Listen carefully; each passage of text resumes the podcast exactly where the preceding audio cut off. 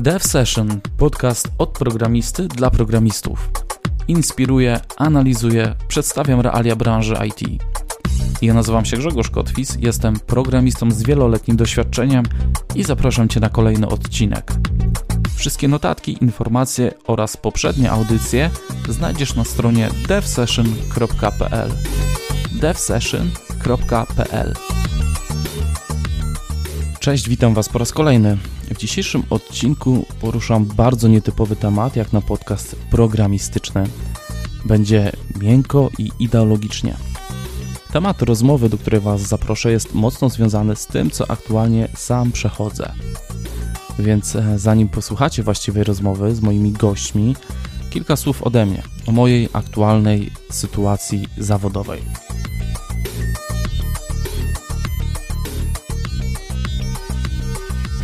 Po pierwsze, mam wrażenie, że dotarłem do takiego miejsca w swoim życiu zawodowym, że pora na zmianę.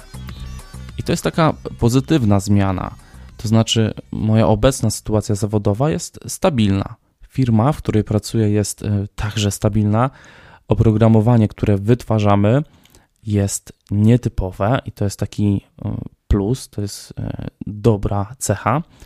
I może na początek na tym się skupię. A więc aktualnie od 4 lat pracuję w firmie PDTek w Gdyni. Nieduża firma, jej siedziba znajduje się w Niemczech. W Niemczech jest, nazwijmy to, organ zarządczy i taki consulting. Mm, tutaj w Gdyni mamy zespół stricte deweloperski. I czym się zajmujemy? Wytwarzamy oprogramowanie z dziedziny KE, czyli Computer Aid Engineering. To jest oprogramowanie ogólnie rzecz ujmując, wspierające pracę inżynierów. Nie wiem, czy tu dobrze, dobrą analogię teraz przytoczę, to, ale to jest taki CRM, CMS, workflow, ale dla danych inżynieryjnych. Jeśli takie słowa kluczowe e, coś Ci mówią jak CAT, JT, CATIA, MESH, symulacje różnych zderzeń aerodynamiczne, przepływów powietrza, płynów i tak dalej, to to jest mniej więcej właśnie obszar, w którym się tam e, poruszamy. I co to oprogramowanie robi? No, e, dział, w którym ja akurat jestem, to jest dział SDM, Simulation Data Manager. Gromadzimy dane, przetwarzamy, przygotowujemy na przykład różne symulacje, właśnie mesze. Tam z systemu są dane eksportowane na takie komputery HPC, które liczą właśnie jakieś zderzenia, wiecie, aerodynamikę, tego typu rzeczy. Po czym te dane za jakiś czas wracają, są importowane i przygotowujemy różnego rodzaju wykresy, obrazki i tak dalej, żeby taki inżynier mógł zobaczyć, jak ten jego na przykład front od samochodu E, się zderza z barierką, albo jak powietrze przez niego przepływa, tego typu e, rzeczy. Dodatkowo właśnie integrujemy się z wieloma e, zewnętrznymi systemami, które gdzieś tam wykorzystywane są właśnie przy, głównie w dziedzinie automotive w tej branży, czyli przy samochodach, przy produkcji i projektowaniu samochodów. Czyli takie wspieranie cyklu życia tego produktu, ale w ujęciu takim inżynieryjnym. Ciekawe, co nie? To nie jest kolejny e-commerce, zauważ, to nie jest jakiś fintech, bankowość, ubezpieczenia, czy jakiś CRM, czy jakaś prosta apka dla kadr i płac, tego typu rzeczy. To jest naprawdę ciekawa domena, rzadko spotykana tutaj na naszym rodzimym rynku pracy i powiem szczerze, że samo nauczenie się, jak ja wskakiwałem do firmy, to mi zajęło sporo. Nie tyle problemem właśnie był e, stack technologiczny czy, czy samo programowanie, co nauczenie się i poznanie tych wszystkich skrótów takich, które tam są używane, właśnie KE, FEM, e, e, CFD i tak dalej. No, takie typowo właśnie inżynieryjne. Tak więc to jest to, co robię na co dzień, etat. I to, to jest moje główne zajęcie. Dodatkowo, jak wiecie, prowadzę podcast. No, aktualnie go słuchacie i to jest taki mój number one, jeśli chodzi o zajęcie po godzinach. Zaczynałem od y, Dev Session News, czyli ten podcast startował um, od przygotowywania dla deweloperów takich newsów i ja je tam publikowałem, nagrywałem dla Was. Potem były przemyślenia programistyczne i następnie zdecydowałem się na rozmowy z gośćmi. Były także epizody, gdzie pojawiałem się na konferencjach i przeprowadzałem wywiady z prelegentami, uczestnikami. W tym roku byłem na Segfolcie, w zeszłym roku na .NET Developer Days i w tym roku jeszcze pojawię się na .NETOS w Warszawie w październiku. Zapraszam, konferencja poświęcona e, wydajności, optymalizacji, głównie kontekście .NETA, ale i nie tylko. Więc jeśli tematy takie wydajnościowe, optymalizacji e, Was interesują, to .NETOS październik Warszawa. Zapraszam.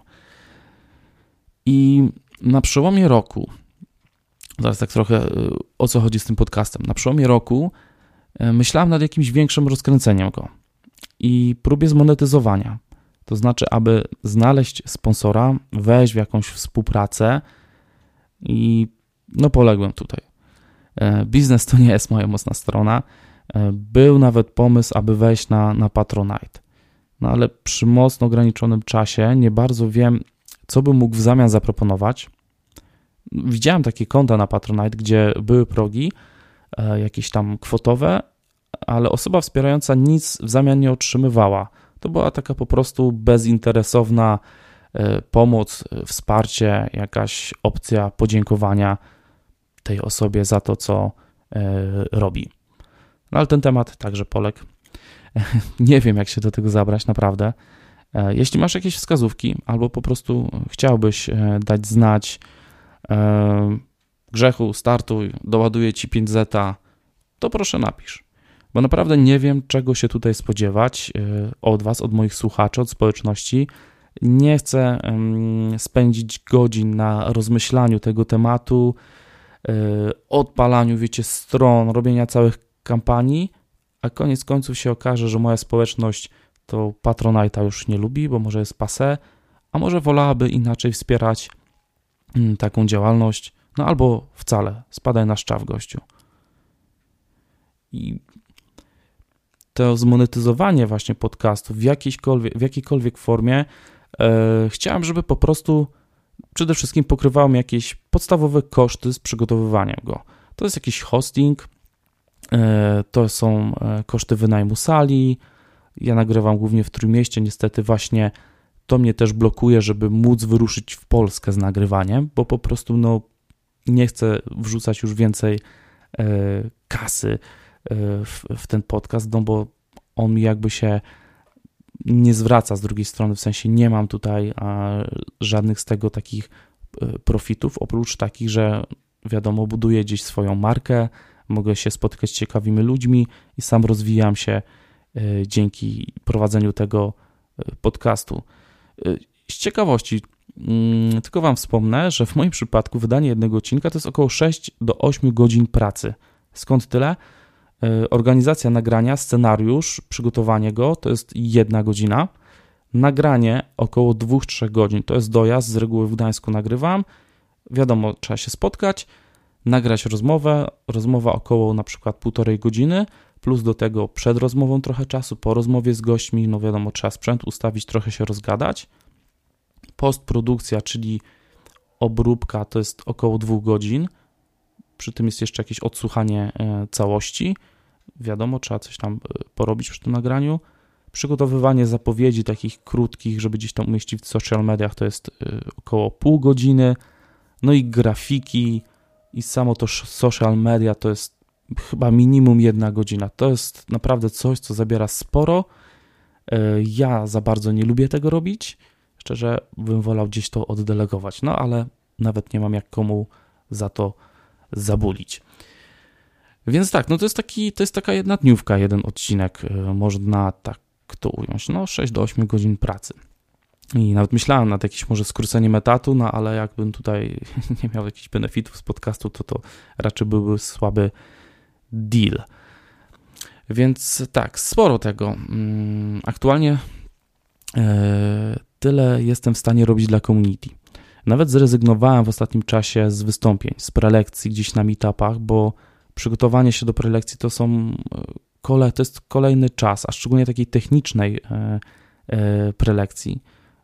Kto występował, to wie, to jest kilkanaście godzin. Nie mówię tutaj o slajdach, ale w ogóle opracowanie tematu.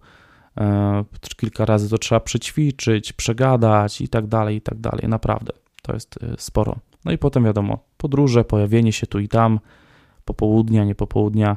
No na chwilę obecną nie jestem w stanie tego dźwignąć, a co rusz wpadają mi jakieś tematy do głowy i tylko spisuję je do notesika i czekają na lepsze e, czasy. Ale wracając do tych zmian i pytania, co dalej?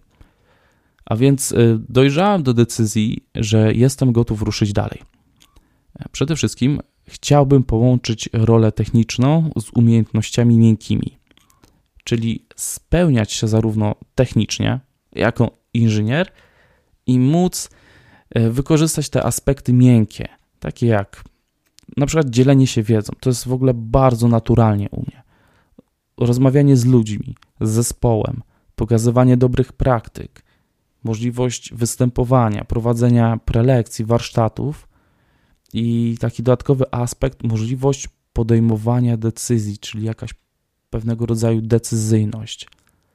I to, jak widzicie, sprowadza się no, do ról typu lider techniczny, team leader, a nawet y, coś, z czego nie zdawałem sobie sprawy, że, że e, są takie stanowiska, może po prostu zbyt nisko siebie gdzieś tam oceniałem. I to mój kolega Michał Franc mi powiedział: Grzechu, solution architect. Oczywiście tu musi być jeszcze odpowiednia wiedza techniczna, ale to są role, które łączą te dwa aspekty, miękkie i techniczne. Słyszeliście o czymś takim jak developer advocate albo ewangelista? Czuję, że tutaj na tym polu mógłbym się sprawdzić, bo um, praca właśnie z deweloperami i z tą drugą stroną, trochę z biznesem, to jest coś, co chciałbym spróbować.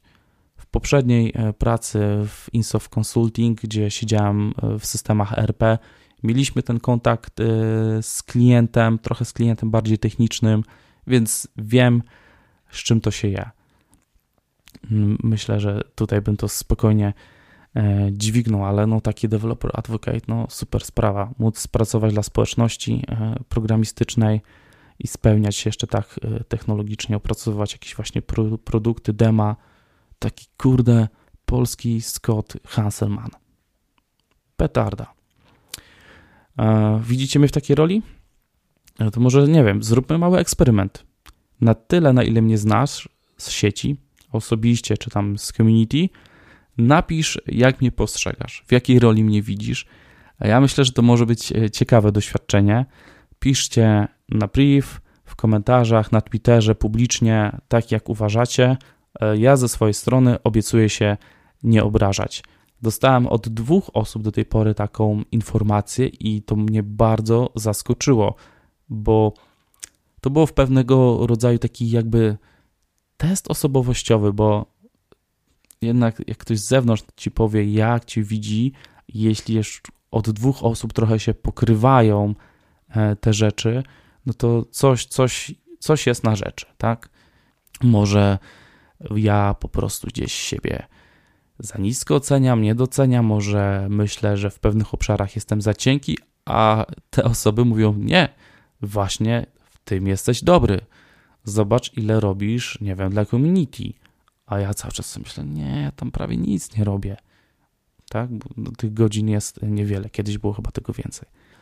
Dobrze, ale już nie przedłużając e, tego e, i tak przedługiego e, wstępu o mojej sytuacji, zapraszam Was na odcinek o zmianie. I ten odcinek jest takim właśnie czymś naturalnym, co wyszło już na, na Twitterze. Ja puściłem tweeta i tam pojawiła się mała dyskusja e, właśnie o takiej transformacji, co bym mógł robić dalej i od razu pomyślałem, tak, to będzie dobry odcinek.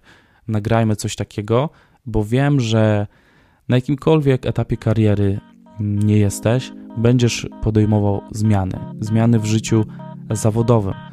I pomyślałem, że okej, okay, podcast programistyczny, na pewno pojawi się gość techniczny, ale dobrze by było również mieć taką osobę, która opowie o tym procesie zmiany tak trochę ideologicznie, miękko, e, powie, co się dzieje w naszej głowie w tym czasie, jakie procesy zachodzą i tak dalej.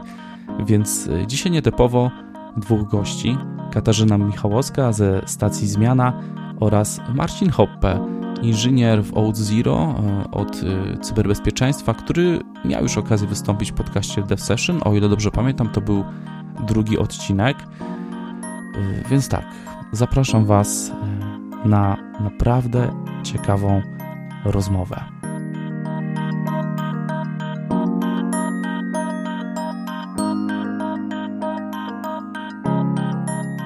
Cześć, witam Was bardzo serdecznie w kolejnym odcinku podcastu Dev Session. Dzisiaj seria Ja Programista, ale trochę zmodyfikowana, bowiem to nie będzie wywiad z jedną osobą. E, dzisiaj goszczę Katarzynę Michałowską. Dzień dobry. I Marcina Hopę. Czyli mamy taki miks e, technologiczno-ideowy, bo jak wiecie, Marcin e, wystąpił już kiedyś w podcaście i jest no, osobą, jest programistą, jest inżynierem, a Kasia z kolei jest dziennikarzem, który y, i również prowadzi podcast Stacja Zmiana. I to trochę już mówi, o czym będzie ten odcinek.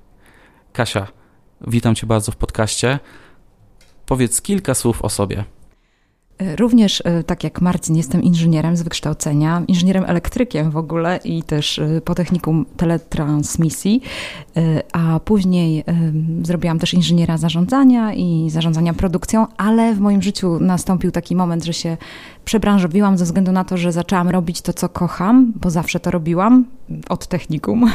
Zajmowałam się dziennikarstwem i to zrozumiałam, że dziennikarzem się jest i tak naprawdę już y, no, więcej niż 17 lat zajmuję się dziennikarstwem i, i z tego dziennikarstwa wypływa wiele rzeczy. Między innymi to szkolenie y, młodzieży w takim krytycznym myśleniu, odkrywaniu źródeł, dlaczego w ogóle ktoś coś powiedział albo napisał ale również y, takie rzeczy związane z takimi, można powiedzieć, umiejętnościami miękkimi, jak właśnie zmiana w życiu, jak poszukiwanie pracy, jak y, jakieś przebranżowienie się, to też zawsze mnie interesowało i też pomagałam ze względu na to, że, że to tak się rozwijało samo z siebie, z tych artykułów wynikało i z y, odkryć.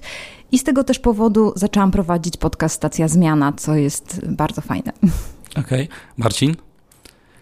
Tak? Czy powiedziałbyś trochę nam o sobie?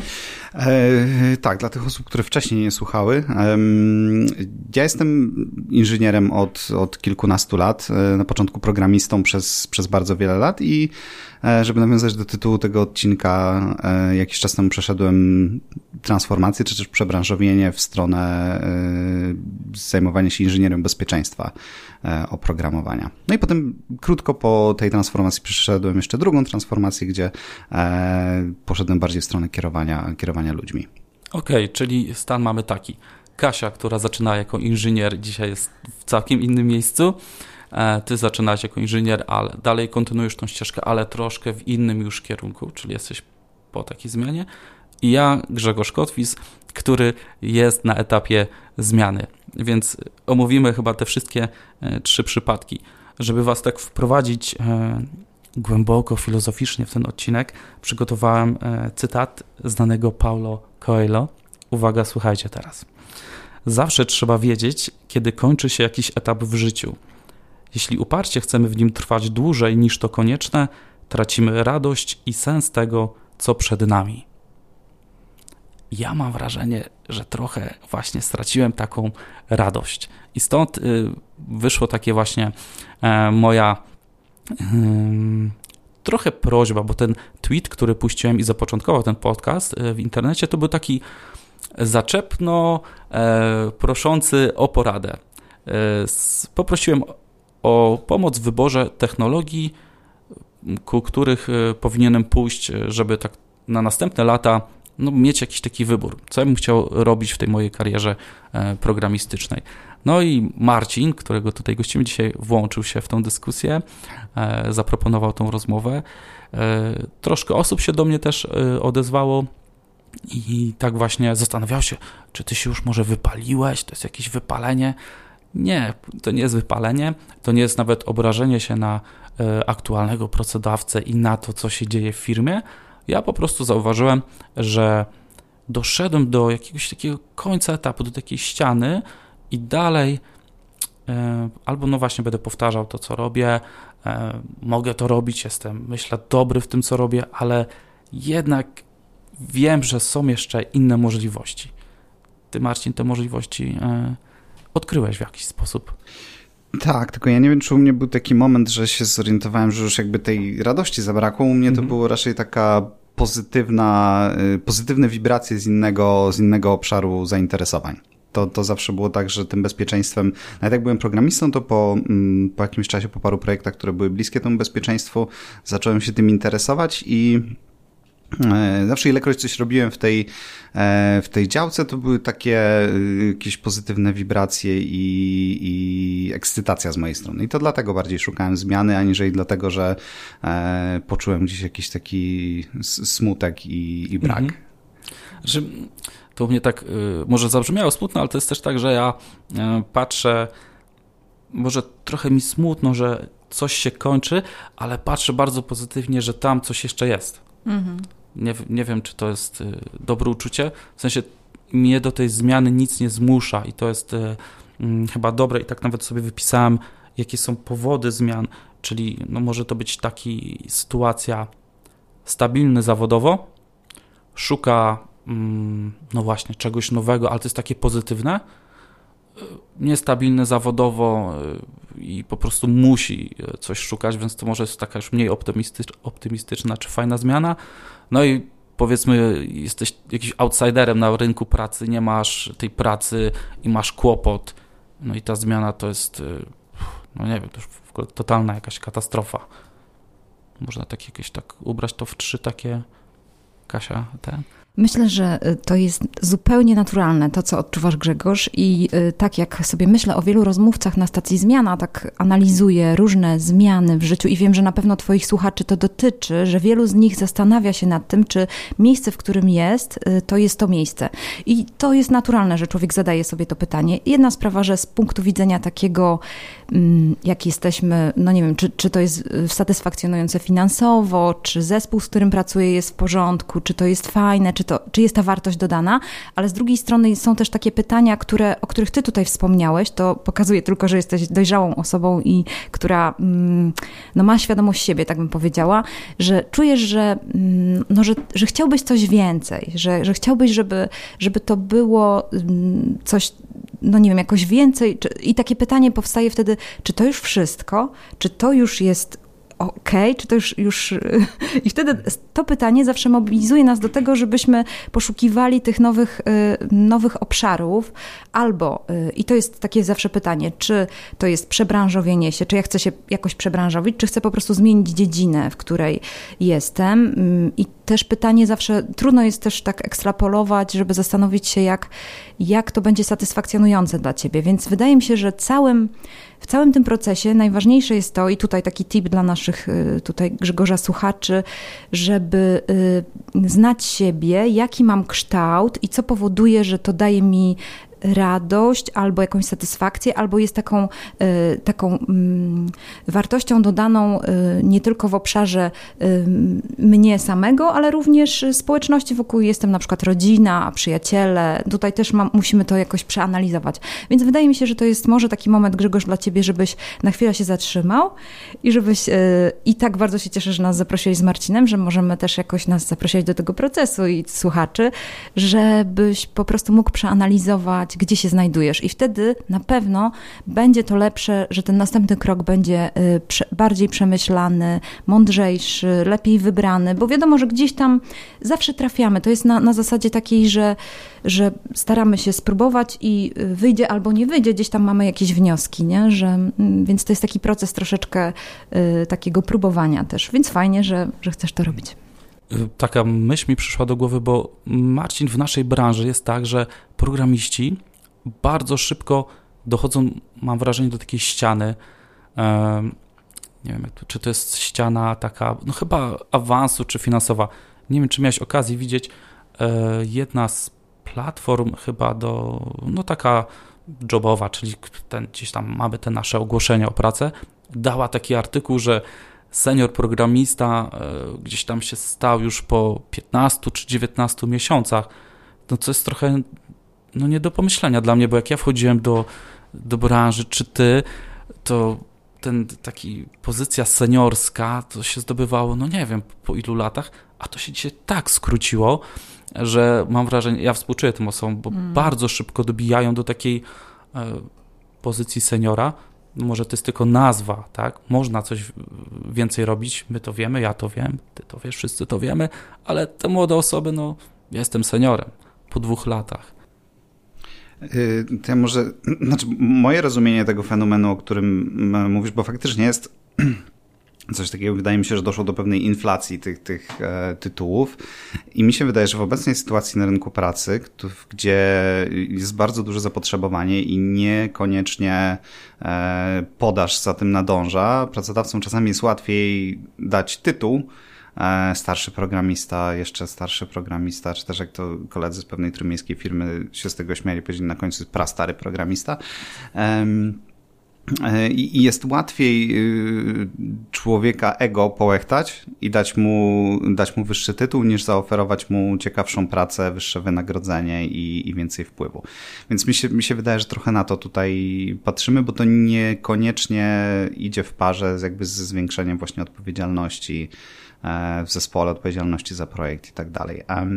Natomiast co do tego, czy jest y, E, jakiś sufit. Jeżeli chodzi o te tytuły, być może tak, ale wydaje mi się, że finansowo i jeżeli chodzi o mm, wpływ, jaki człowiek roztacza gdzieś tam w pracy na projekt, to myślę, że tutaj wbrew pozorom jakoś dużo się nie zmieniło. Myślę, że mimo wszystko zespoły i firmy funkcjonują w dużej mierze dalej tak samo. Może ludzie mają bardzo wysokie tytuły z niedużym doświadczeniem. Mhm. No to chyba, tak jak mówisz, ten y, rynek pracy, ta podaż, to to wymusiło, bo fajniej tak powiedzieć, patrzcie, oferuje wam senior programistę, mhm. ale i tak ktoś pomyśli, ok, senior, ale jak spojrzy głębiej w to CV, to widać tam dwa lata doświadczenia, może trzy. Nie, mhm. jest, ale myślę, że też jest problem innego rodzaju. Wiecie, że y, sami pomyślcie sobie o osobach, które przychodzą, młodych osobach, które przychodzą do waszych y, firm czy organizacji i pomyślcie sobie, że po pierwsze już y, trochę słabo, jeżeli chodzi o, tą, o ten most kulturowy, w cudzysłowie, no graliśmy w inne gry, oglądaliśmy inne filmy i oglądaliśmy inne seriale i bajki, więc nie mamy tego wspólnego języka, ale też jest, tak szybko się zmienia, y, zmiany kulturowe i społeczne, tak szybko następują, że ta młodzież, która przychodzi, ona tak naprawdę stawia pracodawcę w takiej, bym powiedziała w cudzysłowie, niezręcznej sytuacji, dlatego że y, bardzo szybko młodzież, którą zresztą my sami wychowaliśmy i nauczyliśmy tego, y, żeby przyszła i zapytała: OK, jaka jest moja ścieżka kariery, kiedy dostanę awans, kiedy dostanę podwyżkę i pracodawca w gruncie rzeczy, my może kiedyś nie zadawaliśmy tak szybko tych pytań. One były trochę rozłożone w czasie. Ok, muszę się nauczyć, chcę się uczyć i tak dalej. A tutaj już mamy pokolenie, które chce to szybciej. I wydaje mi się, że z tego powodu pracodawcy radzą sobie tak, jak umieją. Po prostu decydują się na to, żeby w taki sposób wychodzić do, do młodzieży i na przykład może to być też szybki awans albo nadanie jakiegoś y, tytułu, co powoduje zostanie tej osoby w firmie, bo też y, młodzież nie pracuje długo teraz w firmach. To też musimy pamiętać o tym. Y, no. Mhm. No, ja jak powiedziałem o moich planach, że, że prawdopodobnie no to już jest y, koniec, chciałbym może gdzieś pójść dalej i tak dalej, to mm, byli bardzo zdziwieni, bo e, pracuję dla firmy, której biuro jest w, główne w Niemczech i dla nich 10 lat w jednej firmie to jest, to, to nie jest wiele. Tam jest taki naprawdę, przychodzisz i zostajesz na długo. A powiedziałam, słuchajcie, no dla odmiany w Stanach to jest 18 miesięcy w Dolinie Krzemowej. Takie są średnie e, statystyki. Po prostu tam skaczą od projektu do projektu, można powiedzieć. Nie? Mhm. No też tutaj się zderzasz z tą kulturą, prawda? Tą mhm. niemiecką kulturą, to, która jest zupełnie inna. Natomiast mi się wydaje, że Krzemowa Dolina to jest taki bardzo yy, akurat specyficzny przypadek. Reszta świata działa na trochę jednak innych zasadach, e, ale faktycznie tam tak jest. Tak. E, tu mamy fajne pytanie od e, słuchaczki, od Joanny. Ostatnio spotkałem się z negatywnymi uwagami wobec kompetencji osób, które pracują dłużej w jednej firmie.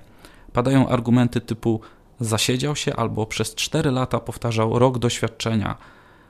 Czy ja osobiście spotkałem się z takimi przytykami pod swoim adresem lub podważaniem e, kompetencji? No i czy żałuję, że decyduję się na tę zmianę dopiero teraz. Więc yy, od razu krótko odpowiem, czy żałuję? Nie, nie żałuję, bo gdybym żałował, to w ogóle mm, nie byłoby chyba o czym rozmawiać. Uważam, że dobrze spędziłem ostatnie kilka lat y, w tej pracy i to jest takie naturalna, ta chęć zmiany, to nie jest coś. Jakbym żałował, prawdopodobnie bym tam szybciej y, stamtąd y, poszedł. Ale czy właśnie takie zasiedzenie się to jest jakiś taki i no, zły, nie wiem jak to ubrać, czy to jest zły objaw. Jeśli chodzi o powtarzanie doświadczenia, może to być złe, ale jeśli się rozwijamy i wszystko jest dobrze, albo może nawet jeśli się nie rozwijamy, ale jest dla nas to dobre, jak to wychwycić w ogóle? Zrobić sobie taką plusy, minusy? To jest ciekawe bardzo, fajne bardzo pytanie naprawdę i wydaje mi się, że wszystko zależy y, co do tego odpowiedzi na pytanie Anny, w jakim momencie życia się znajdujemy, bo to na pewno sami wiecie, że kiedy skończyliśmy studia, to jest też to, czy w ogóle wobec studiów, na przykład jak jesteśmy na studiach, to jesteśmy w fazie tak zwanej eksploracji. My po prostu tak naprawdę nie znamy siebie i, i mamy takie pytanie do końca studiów, gdzie ja pasuję, gdzie ktoś chce mnie przyjąć, czy ja się sprawdzę w pracy.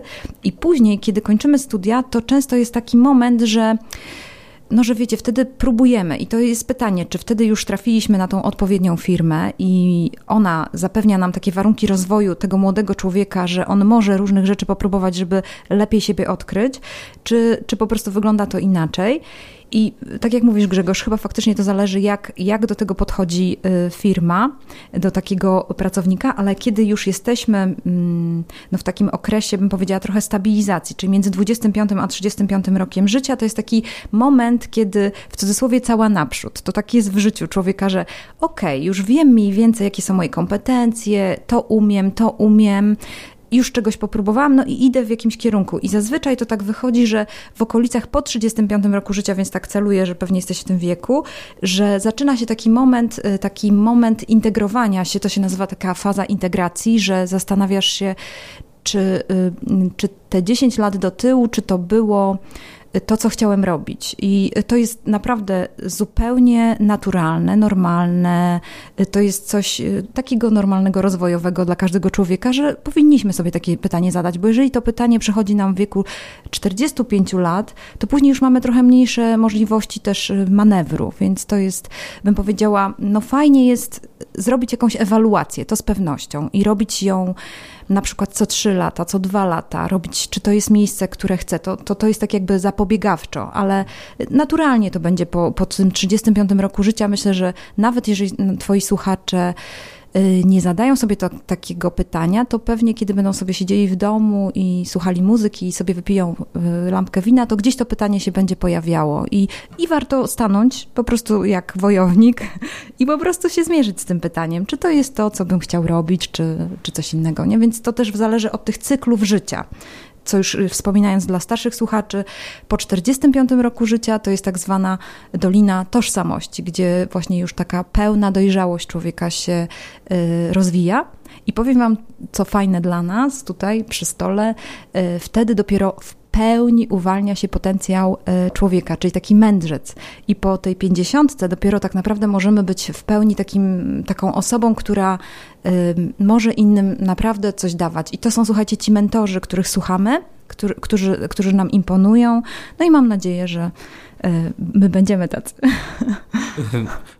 Tak w punkt trafiłaś, bo tak, ja teraz jestem na tym etapie, gdzie nawet nie tyle patrzę na obecny stan i te kilka lat wstecz, tylko nawet analizuję do 10-15 lat wstecz, czy, czy to było wszystko, na co było mnie stać, czy może mogłem coś e, lepiej zrobić i dzisiaj byłbym w innym e, miejscu. E, I druga sprawa a propos tych mentorów, ja tu mam lekkie obawy, bo wyczuwam taką trochę mm, no nie powiem, że jakąś taką e, nielubienie nas, ale branża IT w Polsce jest stosunkowo młoda. Mhm. I my dopiero jesteśmy takimi chyba pierwszymi osobami, czyli rocznik po roku 80., e, które gdzieś są takim star najstarszym rocznikiem. Chociaż znam, znam starsze osoby, znam starszych programistów. E, na zachodzie oni szybciej trochę przyszli. Teraz pytanie, jak u nas my sobie z tymi osobami poradzimy, bo ja już widziałem ogłoszenia o pracę, gdzie wprost wskazywano, że no, preferują młode osoby. Mm -hmm, 20, 25, dynamiczny zespół, gdzie może ja już niekoniecznie bym chciał mieć dynamiczny zespół, bo to wiem z doświadczenia, że dynamiczny zespół oznacza czasem bałagan i chaos i różne tego typu rzeczy, więc takie, taka moja mała tutaj e, dygresja do tych mędrców, ale mhm. tak jak mówisz, się, to się spełni, to fajne mm -hmm. czasy mnie mm -hmm. chyba jeszcze czekają. Mm -hmm. Masz ciebie też. No, no właśnie, dokładnie. E, to znaczy, no, takie cyniczne podejście do tego młodego, dynamicznego zespołu może też być takie, że pracodawcy szukają młodych ludzi, którzy będą długo siedzieli w pracy, nie mają jeszcze zobowiązań dzieci i tak dalej, więc można jeszcze mhm. na to e, spojrzeć.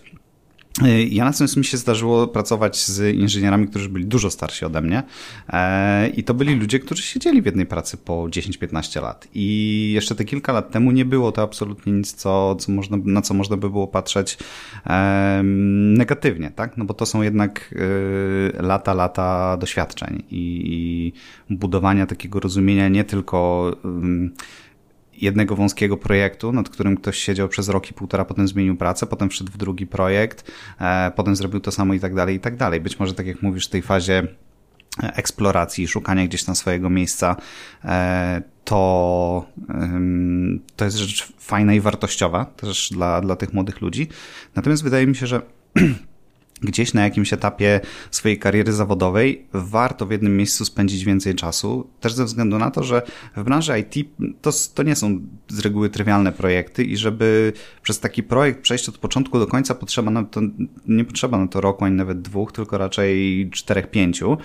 I warto, mi się wydaje, raz w swojej karierze przez taki cały projekt od jego powstania i takich lekko, lekko kłopotliwych pierwszych kroków, aż do takiej pełnej dojrzałości, utrzymania tego projektu, e, mierzenia się z tym, e, co użytkownicy na jego temat sądzą, coś tu trzeba poprawić, e, tu trzeba zareagować gdzieś na zmiany na rynku, aż po gdzieś wycofanie systemu i projektu z użycia, tak? To też jest wartościowe mhm. doświadczenie, żeby, żeby przejść przez takie coś, dobra, mieliśmy system, fajnie, działo, trzeba go zastąpić czymś nowszym i to też nie jest E, to też nie jest trywialne doświadczenie, żeby wiedzieć, jak, jaki system, e, przepraszam za metaforę, ale uśpić, tak? Wartościowe dane z niego wyciągnąć, przenieść do nowego systemu, stary system wyłączyć, pożegnać się z nim i, e, i mi się wydaje, że zwłaszcza wśród młodych osób takie doświadczenie jest bardzo niedoceniane w, właśnie w, w utrzymaniu, w kontakcie z klientami, w naprawianiu błędów. E, później, e, jak człowiek chciałby bo masz rację, że gdzieś tam na, na rynku IT w pewnym momencie te tytuły i ta, te pensje się do pewnego stopnia wypłaszczają i wtedy człowiek szuka, jak, szuka więcej satysfakcji, a nie a nie takich czysto, e, czysto materialnych e, benefitów ze swojej pracy i wtedy warto mieć, warto mieć pojęcie, że jest coś więcej niż tylko najnowsza technologia i zaczynamy nowy projekt, super, jest fajnie, bo na początku wszystko jest łatwe, bo projekt nie ma użytkowników, nie ma kłopotów, nie ma błędów, a dopiero potem zaczynają się te takie mniej, mniej trywialne rzeczy do rozwiązania. Także wracając jeszcze do, do pytania Joanny, mi się wydaje, że jeżeli by na to spojrzeć tak, że jeżeli ktoś przez 4 lata w jednej pracy robi cały czas to samo, no to faktycznie może to być problem. E, natomiast jeżeli ktoś przez te 4 lata, e, tak jak mówię, szedł z tym projektem i patrzył, jak on się rozwija, jak on się zmienia, e, być może miał okazję pełnić różne funkcje w zespole, tak? Od programisty może trochę się zajął testami, może na którymś etapie trochę bardziej się zaczął, zajął na przykład zarządzaniem projektem. To jest dla każdego inżyniera uważam wartościowe doświadczenie, żeby nie tylko żeby wyjrzeć z nad monitora i, i się zastanowić, kto używa tego systemu, jak to zrobić, żeby ten system został oddany do użytku na czas i tak dalej, i tak dalej. To wydaje mi się, że tak spędzone 4 lata absolutnie nie, nie będą niczym negatywnym. Z drugiej strony jest kupa osób na rynku pracy, które podążając właśnie za tytułami i, i, i podwyżkami, a najłatwiej jest dostać podwyżkę zmieniając nową pracę, jest kupa ludzi, która ma na przykład 10 lat doświadczenia i w tym czasie zaliczyła 10 firm. Um, I można na to spojrzeć jeszcze z takiej strony, czy to jest wartościowe doświadczenie. Mhm. No na pewno ma duże doświadczenie w odbywaniu rozmów kwalifikacyjnych, mhm. skoro... Tak. No na pewno jest ekspertem rynku pracy taka osoba, to faktycznie. No, dokładnie. Bo na przykład myślę też sobie, załóżmy teraz ostatnio rozmawiałam na temat Brand24, czyli to jest startup, który jest dziesięcioletni, czy Legimi, również startup dziesięcioletni, którzy na przykład y, pierwsi weszli na giełdę, teraz Legimi y, wydało y, obligacje i chodzi mi o to, że no to jest jakaś dojrzałość, czyli osoby, które pracowały w tych startupach, one doświadczyły czegoś takiego, wyjścia najpierw od tego chaosu i takiego y, tworzenia czegoś z niczego i później y, zaczynają się trochę dociskać jakby, no bo wiecie, i trzeba koszty kroić i, y, y no i jakoś zespół budować, procedury i tak dalej. Więc z drugiej strony, tak, kiedy rozmawiałam z, załóżmy z liderami tych y, startupów albo z osobami, które pracowały dłużej, to one mówią, że doświadczyły tego, jak taka firma się rozwija, jak to wygląda. Więc tu jest taka wartość dodana wtedy, że na przykład wiemy i wartość dodana, która, na przykład ja myślę sobie, aha, czyli ty masz taką wartość dodaną i ty możesz założyć swój startup teraz, bo może przyjdzie już czas po 35 roku życia, że ktoś założy swój i będzie wiedział, że to tak wygląda, że po prostu firma rośnie, że później już przestajemy się być fajnie, to znaczy jest fajnie, ale inaczej. Mamy inną satysfakcję i czerpiemy ją z innego źródła, więc to jest, wydaje mi się, że, że to ma sens, jeżeli ta wartość dodana jest na tyle przekazywalna, że później y, ci dojrzalsi ludzie będą y, taką wartością dodaną do społeczeństwa, do naszego mm, wspólnego dobra i, i, więc ja trochę tak idealistycznie może podchodzę, ale wydaje mi się, że, że to ma wtedy sens, a nie żeby tylko konsumować, bo jak widzicie, konsumowanie słabo wychodzimy na tym. Tak, plus potem y, taka osoba, która powiedzmy skacze z kwiatka na kwiatek, y, mi się wydaje, że to jest bardziej przykład tego, że ktoś 10 razy, y, 10 razy robił po rok to samo, niż osoba, która miała okazję w jednym, e, w jednym miejscu spędzić więcej czasu i zaobserwować te różne rzeczy, tą ewolucję. E, ale to jest takie, zaznaczam, moje, moje osobiste podejście. Też być może y, taka opinia wygłuszona z trochę innego miejsca w życiu. Mm. Tak? Mhm. Ciężko mi w tej chwili mentalnie wrócić do czasów, jak miałem 25 tak. lat. Ale wiesz, Marcin, wydaje mi się, że jeżeli to jest ktoś, kto zatrudnia, to on będzie miał raczej twoją perspektywę niż y, y, perspektywę osoby, która dopiero wchodzi do branży. Jednak to są troszkę dojrzalsi ludzie. No załóżmy, niech to będzie 27, tak, tak, 28 tak. lat. Już oni czegoś doświadczyli i oni będą mieli takie spojrzenie, czyli czy ty widzisz, y, czy, czy ty ewaluujesz, czy ty no, idziesz gdzieś tam w jakimś kierunku, nie? Więc wydaje mi się, że jednak to będzie takie spojrzenie. Hmm. Okej, okay, to teraz e, chciałbym Was zapytać o. E, trochę może cofnijmy się, każdy do swoich e, różnych zmian w życiu i jak, jak u Was to nastąpiło? W sensie, czy obudziliście się rano, potrzebuję zmiany, czy to był troszkę jakiś taki dłuższy tok, proces, jak się odbywało? Bo Marcin, no, zmieniałeś pracę, zmieniałeś e, dziedziny, więc może jeszcze pamiętasz, jak to się u ciebie odbywało? Yy, tak, ja pamiętam, to u mnie faktycznie długo, długo to narastało, ale była też iskra, yy, którą była rozmowa z moją żoną, która mi powiedziała, że jak nie spróbujesz i nie postawisz jakby wszystkiego na jedną kartę, nie spróbujesz tego zrobić, to mm, będziesz się zastanawiał wiecznie. I, I, to była taka, ale faktycznie ta jakby ta pasja, y, to zainteresowanie tematem narastało przez wiele lat. Mm, ale też ja, ja osobiście potrzebowałem takiego kopniaka w tyłek, żeby, żeby iść i faktycznie się zdecydować i, i to zrobić. Kasia? No ja tak bym powiedziała, że trochę może szybciej się wypaliłam jako inżynier, ale y, pracowałam w, bra w branży najpierw automatyki przemysłowej, później jako inżynier, elektryk y, w takich, wiecie, mniejszych napięciach.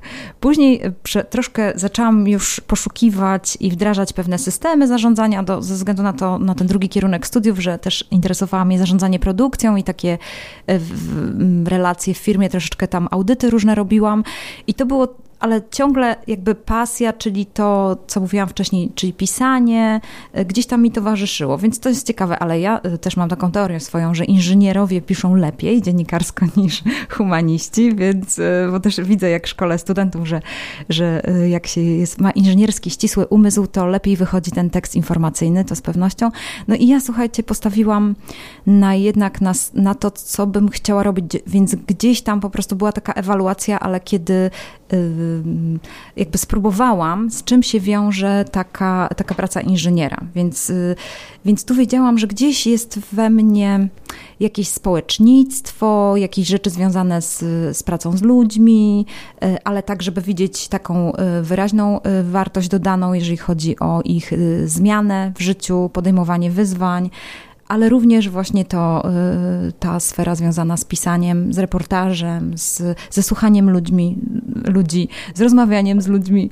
I słuchajcie, ja poszłam w tym kierunku. No też jest inaczej, wiecie, jak się jest y, y, kobietą, może to też jest tak, że, że dziewczyny to, chociaż nie chcę tutaj stereotypowo, bo każdy po prostu ma, gdzieś musi to wyczuć i ta, ta zmiana, mm, jeżeli chodzi o mnie, nie przeszła tak, tak mm, cyk i już, chociaż to rok był, kiedy się zastanawiałam mm, nad nad, nad zmianą, że, że, że powinnam zrobić zakręt ze względu na to, że już wiedziałam, że wchodzę jakby w tą całą naprzód, w cudzysłowie, czyli w ten, w ten cza czas, że już na pewno te 10 lat w moim życiu będę wykonywała to coś, ten zawód i, i tutaj sobie pomyślałam, okej, okay, ale ja chyba tego nie za bardzo chcę, więc dlatego y, to się zmieniło. Ale wciąż się zmienia, wciąż się zmienia i wydaje mi się, że najważniejsze jest to, żeby słuchać sygnałów, bo w ogóle w tym procesie zmiany najważniejszy jest ten pierwszy etap, kiedy my po prostu zignorujemy sygnały. I to jest taki sygnał, o którym mówi Marcin, na przykład rozmowa z bliską osobą, rozmowa z przyjacielem, a może czasami rozmowa z szefem. Y, I to są takie sygnały, które, y, no żeby ich nie odrzucać, żeby nie ucinać głowę tym posłuchom, posłańcom złych wiadomości w cudzysłowie. A może to jest na przykład taka sytuacja, że już moja firma nie dopina rocznego, y, że traci płynność finansową, że może to nie jest już czas na następny kredyt, żeby tą firmę, czy na przykład poszukiwanie kolejnego inwestora. I wydaje mi się, że cały problem w procesie zmiany jest taki, że ludzie ignorują te sygnały, y, że mm, z powodu z jakichś powodów, może tego, że boją się zmiany, bo będzie coś innego, bo może będzie trzeba się przeprowadzić, może będzie trzeba coś zrobić. I to jest taki moment, jeżeli tego nie zignorujemy, to będziemy te zmiany przechodzili dosyć płynnie, a jeżeli zignorujemy, to obudzimy się w miejscu tak zwanego w procesie zmiany takiego kryzysu. I to jest niefajne miejsce, dlatego że tam się pojawiają i niefajne emocje, takie często właśnie wypalenie, dlatego to było to pytanie, że ktoś, y, albo na przykład taki moment, że ktoś mówi koniec, trzaskam drzwiami i wychodzę. I to jest, to jest najgorszy moment, bo tak nie powinniśmy y, wprowadzać zmian w swoim życiu. To nie jest, to znaczy, że gdzieś ktoś z, jakby zignorował te sygnały wcześniejsze. Czy na przykład, to już tak, y, już do takich bliskich rzeczy, to odnoszę do relacji bliskich, że, że załóżmy, że ktoś y, komuś coś powie, takiego bardzo raniącego w związku. I to dlatego, że jakieś sygnały się po prostu zignorowało wcześniej. Tej relacji się nie budowało, coś, coś się przegapiło, nie? Więc to takie dwa elementy, które mhm. są ważne w tej zmianie. U, u mnie teraz yy, śmiesznie, bo to pojechałem na wakacje i na tych wakacjach w ogóle nie myślałem o właśnie zmianie czy, czy zmianie pracy, ale mam wrażenie, że na tyle mi się mózg tam po prostu, wiecie, wyciszył, że wróciłem. Tak jak właśnie iskra. Hej, ale przecież może byś poszedł dalej, coś zrobił. I od razu oczywiście się zapaliło, ale czy ja się nadaję? Czy ja mogę, czy ja dam radę, a znowu trzeba przez proces rekrutacji przechodzić. Ale potem sobie też pomyślałem, co najgorszego może się stać. Mhm. Po prostu zostanę tu, gdzie jestem, a wcale nie jest źle, po prostu jeszcze trochę pokontynuuję. Więc yy, tak to się, yy, tak to się yy, u, mnie, u mnie wydarzyło. Jestem też w dziwnym miejscu, bo ty, Marcin, wiedziałeś, że będziesz chciał e, gdzieś tam w tą branżę security wejść, bezpieczeństwa, cyberbezpieczeństwa, a ja nie wiem konkretnie, w którą dziedzinę technologii będę chciał wejść. Szczerze powiedziawszy, nie ma to dla mnie aż tak dużego znaczenia, bo czuję się takim inżynierem, takim trochę od wszystkiego, że dałbyś mi frontend? Ok, jeśli to mnie będzie jarać, ja będę robił ten, te rzeczy na frontendzie. Jeśli to będzie cyberbezpieczeństwo, też kiedyś coś tam liznąłem, fajna rzecz. Jeśli to będą, wiesz, jakieś inne usługi, ok. Dla mnie się liczą ludzie, firma, kultura pracy, to jak ja to będę, jak będę się, wiesz, tam czuł w tym, co robię, a niekoniecznie nie mam takich, wiesz, e, wojenek typu ja tego nie dotknę, bo e, frontend, czy tam, wiesz, taka technologia, w ogóle jestem daleki od tego, więc też takie bardziej może właśnie filozoficzne. U mnie podejście do tej zmiany nie szukam właśnie konkretnych projektów, tylko bardziej skupiam się na firmie, bo jednak no, spędzamy sporo czasu e, w pracy z ludźmi i z tą inną trochę kulturą, nie? No ale to mi się wydaje, że to jest takie podejście, które też na pewnym etapie życia się pojawia, że mm, e, gdzieś zaczynamy bardziej cenić te takie miękkie aspekty. E, wtedy człowiek sobie zdaje sprawę, ile y, czasu spędza w pracy i też jak powiedzmy stres na przykład w pracy i, i bałagan rzutuje na jego życie prywatne. Także mi się wydaje, że w pewnym, w pewnym momencie po prostu człowiek e, zdaje sobie sprawę, że najnowsze technologie to nie wszystko i, i czasami jest też tak, że te najnowsze technologie nie są wcale takie fajne, jak nam się e, wydaje, czytając e, prasę branżową i blogi Twittera. E, i, I fajniejsze jest to na przykład, jak e, pracujemy nad produktem czy systemem, który, który jest udany, tak? który ma zadowolonych użytkowników, i który sobie gdzieś tam fajnie żyje, e, kontra taka opcja, że są wszystkie najnowsze technologie i w ogóle metodologie jest super, tylko na przykład nie, nie, ma, nie ma sukcesu finansowego i e, po chwili projekt się kończy. Tak? Także myślę, że też są to takie rzeczy, które jak człowiek ma odrobinę perspektywy i parę lat, parę lat spędził, czy też w branży, czy też w ogóle popracował, widzi takie rzeczy bardziej wyraźnie. Więc mhm. to mnie to nie dziwi. Okej. Okay. Ja myślę sobie o tym, że tak jak y, o tym opowiadasz w takim momencie, to y, kiedy nas zaprosiłeś do tego podcastu, to pewnie też może jakąś możemy radę ci dać z Marcinem. W każdym razie y, sobie myślę o tym, że fajnie by było, żebyś pomyślał o takim ogólnym można powiedzieć, celu czy misji życia, to tak wiem, że to się głupio nazywa, ale, ale to jest coś takiego, wiesz, że siadasz na, y, przed kartką i się zastanawiasz, y, co by było, jakby twoje życie się skończyło. Załóżmy, ono tam się skończy za, załóżmy, jesteś w połowie swego życia, niech to tak będzie, no może jeszcze przed połówką, ale, y, bo tak myślę sobie, o, to jest taka przerwa w meczu. Rozumiesz, nie? Że masz teraz przerwę w meczu i to tak jest, że co za tobą? I wtedy y, trener ewaluuje i mówi, no dobra, tu graliście tak, tak, ale teraz, żeby wygrać tą drugą połówkę, bo w gruncie rzeczy wygrywamy drugą połową, więc teraz będziesz wygrywał Grzegorz swoje życie. I wydaje mi się, że to jest taki moment przerwy w życiu, że ty możesz to zewaluować, więc tak naprawdę fajnie jest przede wszystkim wrócić do swoich osobistych wartości. I to, co teraz, to jest to, co powiedział Marcin, że mm, no właśnie, jak to rzutuje na twoje życie osobiste, jak to, jak ty byś chciał, żeby ono wyglądało, jakbyś byś chciał, żeby, y, jakie relacje są dla ciebie kluczowe i to warto sobie wszystko wypisać. Czyli najpierw wypisujesz sobie misję taką swoją życiową, swój taki ogólny cel życiowy, który musi być gdzieś głęboko osadzony w twoich wartościach. Warto też obok napisać swoje wartości i na przykład role, w których się znajdujesz.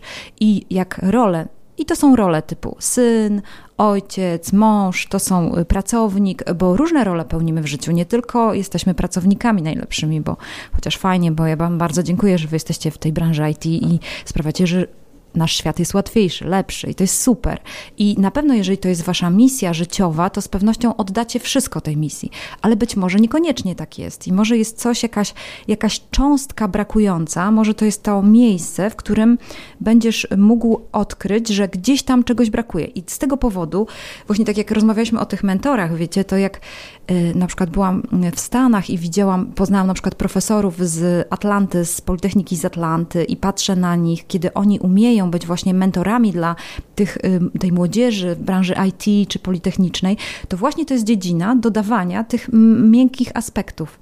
Oni właśnie umieją młodzież przeprowadzić przez te trudne takie, takie sytuacje, czy to na pewno jest to miejsce i tak dalej. Oni pokazują młodzieży, że warto się angażować społecznie, na przykład, że warto jakiś, y, może jakiś podjąć projekt społeczny. I często to jest ta brakująca cząstka w kontekście osobistych wartości, że to jest coś, co, co na przykład powoduje, że, mm, no, że ta praca zaczyna mieć jakąś taką szerszą, y, szerszą perspektywę. W takiej dosyć trudnej pracy IT, w takim mega zmieniającym się świecie. Nie? Więc tak, tak sobie myślałam, że to, że to mm, że ta pomoc y, tym ludziom, którzy są w branży IT, ona głównie będzie polegała na włączaniu tego, na włączaniu tego, co, y, co dotyczy właśnie tych innych obszarów, innych ról w ich życiu, żeby oni to wszystko razem zintegrowali. Mhm.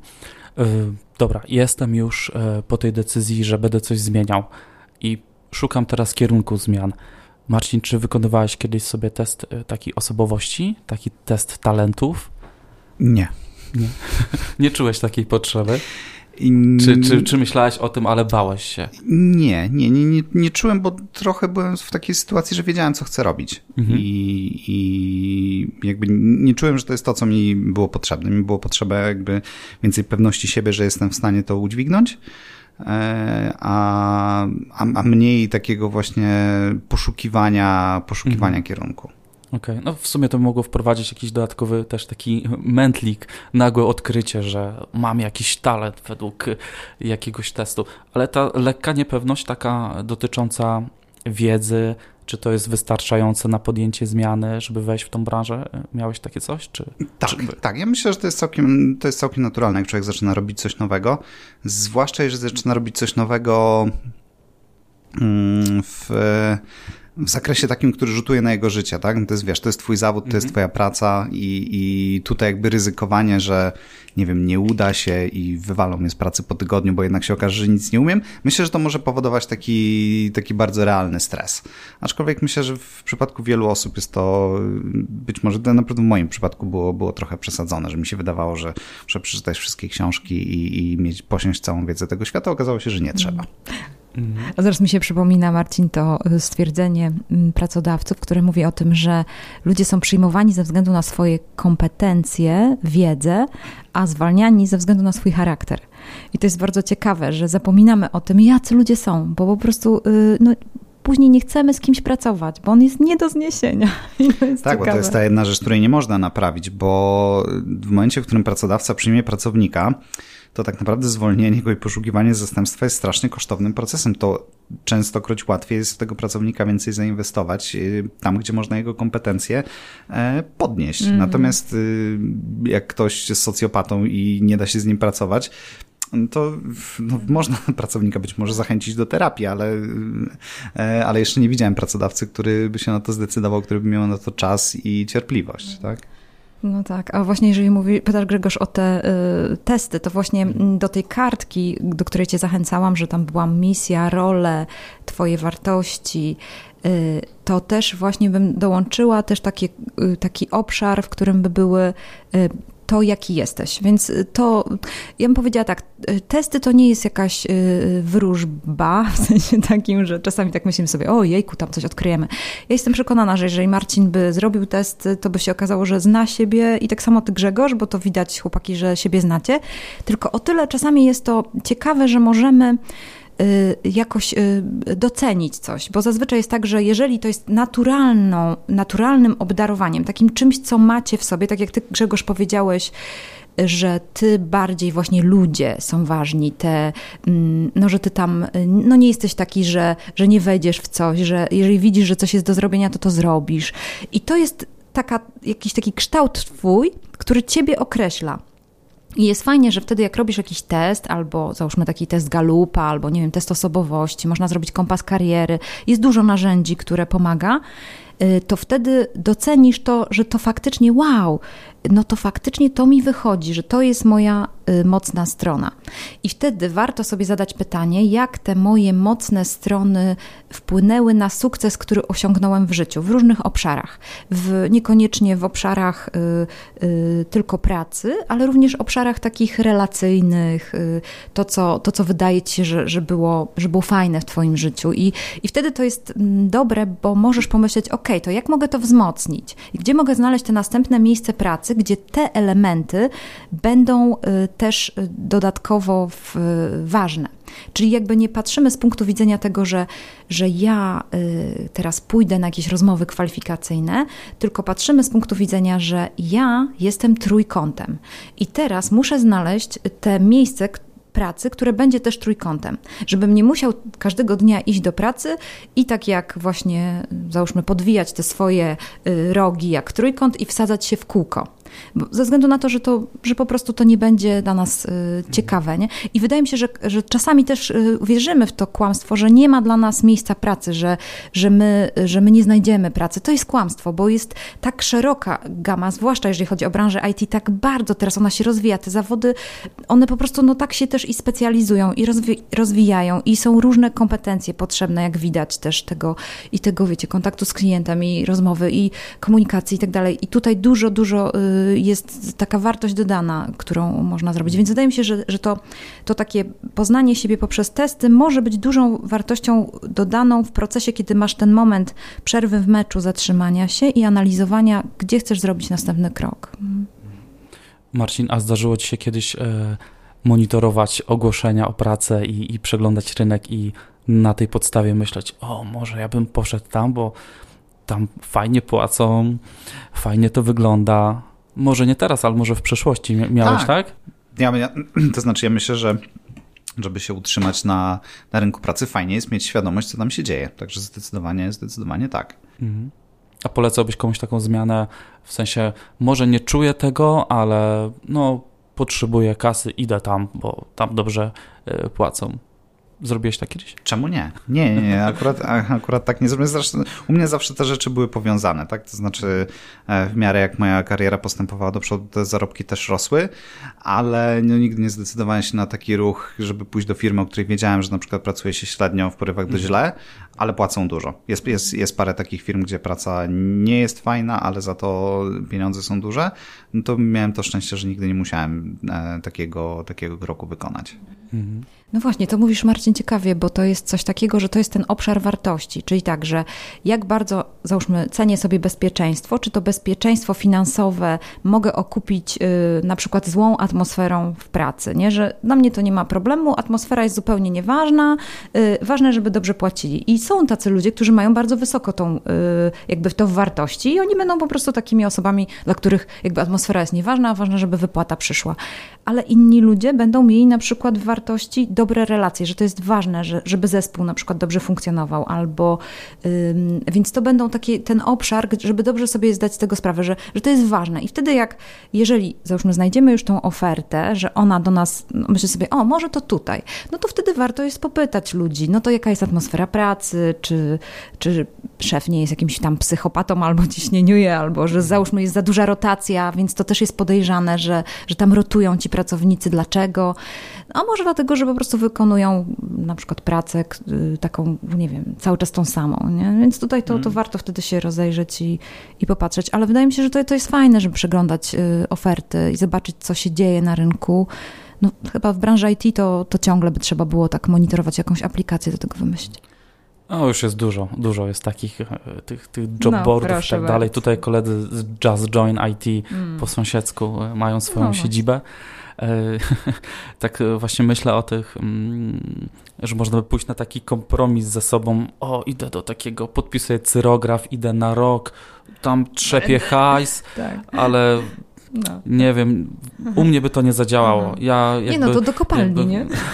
ja musiał chyba na rok wyjechać w ogóle, nie kontaktować się z ludźmi i, i wtedy może bym, e, może bym to przetrwał. Na samochód bym odłożył tak. sobie. Więc wtedy jaką jest wartość, to wtedy wpisujesz sobie w obszarze wartości. Co jest dla ciebie wartością w takim razie? No te relacje z ludźmi wtedy, nie? I mhm. to jest bardzo ważne i to, to jest super, co mówisz. Może, teraz tak się zastanawiam, może z powodu tego, że jednak ta firma w Niemczech, może brakowało ci tego, żeby być w tej atmosferze, no bo jednak jesteś w Gdańsku, tak? Rozumiem, że pracujesz mhm. zdalnie.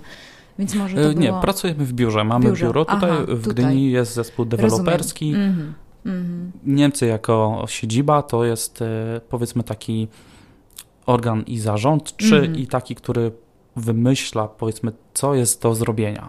Okay, okay. Taki ten, mhm. ale rzeczywiście zabrakło mi na pewnym etapie, brakuje mi takiego e, możliwości pokierowania na, na wyższym poziomie kierunkiem jakichś e, zmian. A, czyli wpływu, po prostu wpływ. Chyba, chyba na wpływu, tak. O, no to też jest wartość, wtedy wpisujesz sobie w mhm. tabelkę wartości wpływ i y, to też jest ważne. I wtedy patrzysz, gdzie będziesz, jakby profilujesz tą zmianę swego zawodu, y, czy tam kierunku, y, w kierunku tego, czy będziesz mógł mieć wpływ i jaki to będzie wpływ. I wtedy możesz te pytanie zadać pracodawcy na rozmowie, że jaki mhm. będę miał wpływ na projekt, jaki obszar moich, zakres moich odpowiedzialności tutaj będzie, nie? jaki będę miał narzędzia na przykład, bo też czasami jest tak, że pracodawca mówi ci, ok, możesz mieć taki, taki wpływ, a na przykład nie masz narzędzi do tego, bo nie możesz komuś dać premii, bo premię na przykład przyznaje się odgórnie, więc to są fajne pytania, które można przygotować w rozmowie. Mhm. I jeszcze wcześniej mówiliśmy o tych kontaktach, że fajnie e, zmonitorować firmę. I tak, przystępując do zmiany, kontakty, mam wrażenie, są bardzo przydatne. Ja teraz uruchomiłem e, kilka kontaktów już dwie osoby e, sprawdziły moje CV. I to jest, to jest po prostu mega cenne, bo prawdopodobnie jakbym je gdzieś wysłał, e, może by nie miały błędów e, ortograficznych, e, wiecie, takich literówek i tego typu rzeczy, ale wiecie, co było najcenniejsze? Że te osoby, znając mnie z sieci, powiedziały, wiesz co, ale ja cię postrzegam tak, mhm. a ty tego tu nie wpisałeś w CV. Ty robisz przecież jeszcze to. Jesteś dobry w tym. A. I to w ogóle było super, że ktoś, mhm. tak trzecia osoba spojrzała i powiedziała, ej, tu za mało, no CV to jest taka forma, trochę trzeba się sprzedać.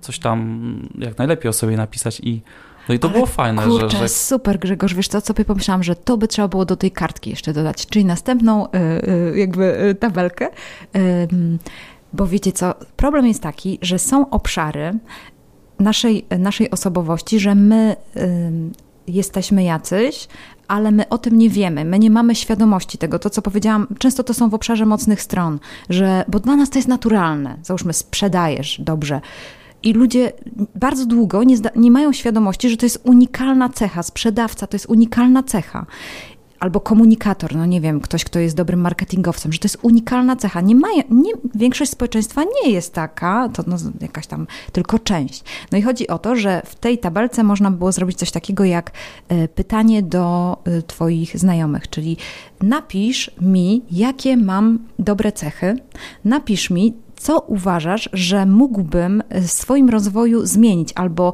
co mogłoby być dla mnie y, dobrym miejscem pracy, że ty możesz też to pytanie zadać do ludzi y, jakby na zewnątrz. Mhm. I bardzo fajne możesz dostać odpowiedzi. To, to tak jak mówisz, to był taki zaczątek, ale jakbyś to zrobił jeszcze tak przemyślanie, że wyślesz temu, temu, temu, to y, wtedy możesz zebrać naprawdę fajne, fajne rzeczy i to też ci pomoże w tym procesie, bo wiadomo, najważniejsze jest to, że jak ty siebie y, postrzegasz, jak siebie znasz, bo to czujesz, ale też zobaczysz, jak inni mogą cię postrzegać i jak ciebie znać. I może jakąś strefę z tych y, odkryć dołożysz też do tego miejsca, więc to jest super sprawa. Mhm, dokładnie. A Marcin, y, w kontekście takich potwierdzenia kompetencji technicznych, y, jak szedłeś do OutZero, to potwierdzałeś się jakoś, czy gdzieś się badałeś, czy to już jest to?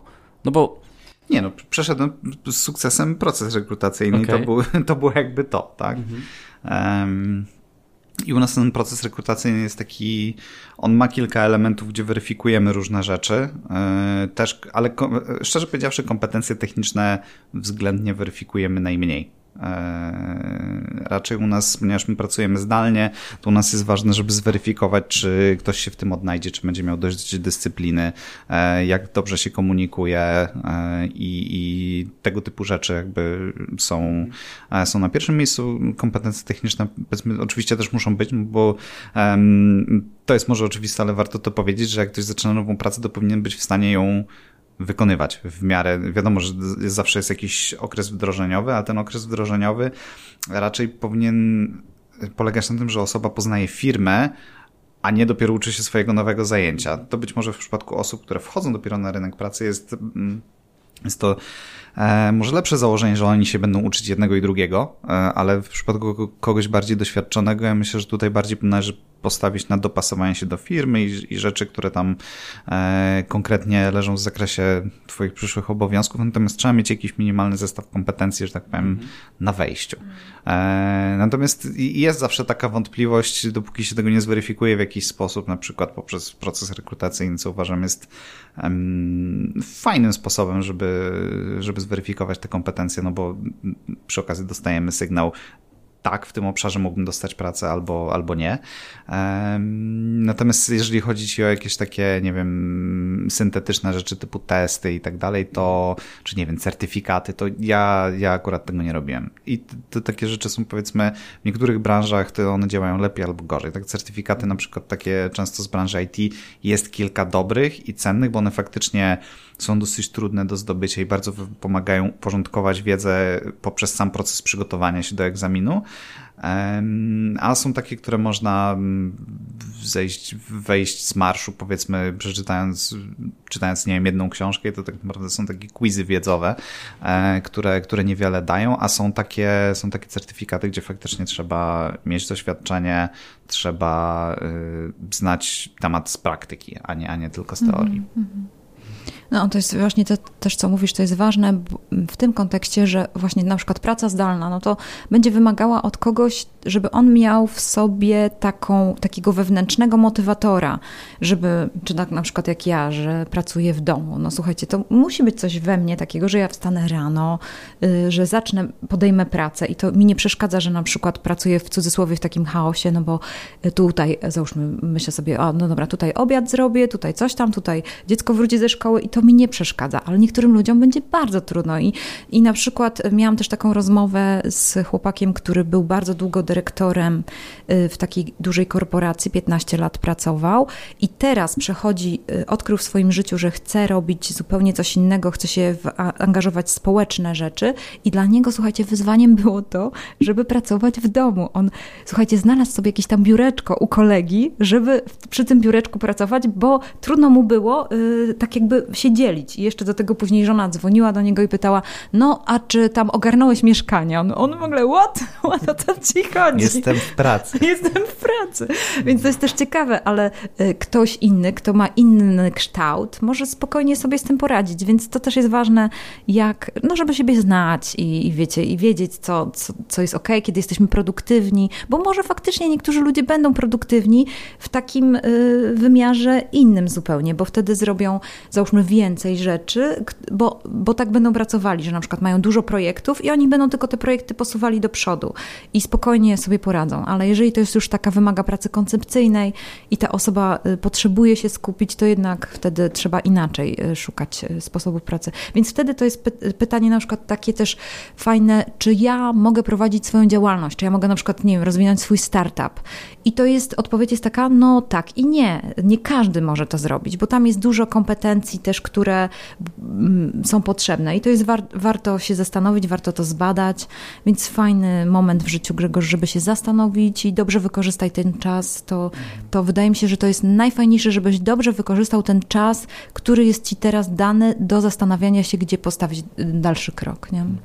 I tak jeszcze tylko taka myśl mi przyszła, że jeśli nawet będziecie pytać osoby w sieci o porady, o jakieś e, kierunki zmian, to i tak koniec końców decyzja należy Oczywiście. do Was i, i e, jak będziecie nawet prosić, to powiedzcie, słuchajcie, to jest tylko taka prośba, żebyś ty coś powiedział. Nie bierz w ogóle tego sobie jakby do serca, że jeśli będzie jakaś, jakieś niepowodzenie, że jesteś hmm. temu winien, czy cokolwiek, że no po prostu też do tego tak podchodzę. Powiedz mi coś, ja już to przeprocesuję, przetrawię i coś z tym zrobię.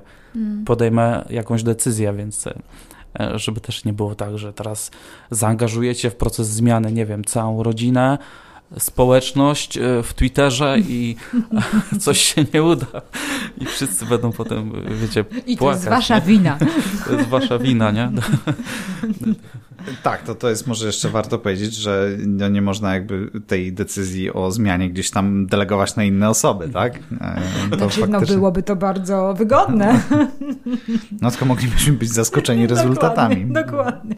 No widzisz, już taki y, żyłka biznesowa, otworzyć takie doradztwo, a pewnie są biznes takie, wiesz, zawodowe, ale właśnie w IT i mm. no słuchaj, zrobimy ci tu test, o dobra, możesz, tu teraz, tu jest fajna teraz chmura jest na propsie i ten, idź tam y, do chmury. Ale reklamacji nie przyjmujemy. nie, to jest twoja decyzja. To jest twoja decyzja, tutaj podpisz mm. na mhm. papierze. Marcin, a ty rekrutujesz aktualnie ludzi, bo troszkę z inżyniera, tego inżyniera już troszkę mniej w tobie jakby, znaczy on jest, Malutko. ale mm. na co dzień jest w, w, obowiązkach troszkę mniej.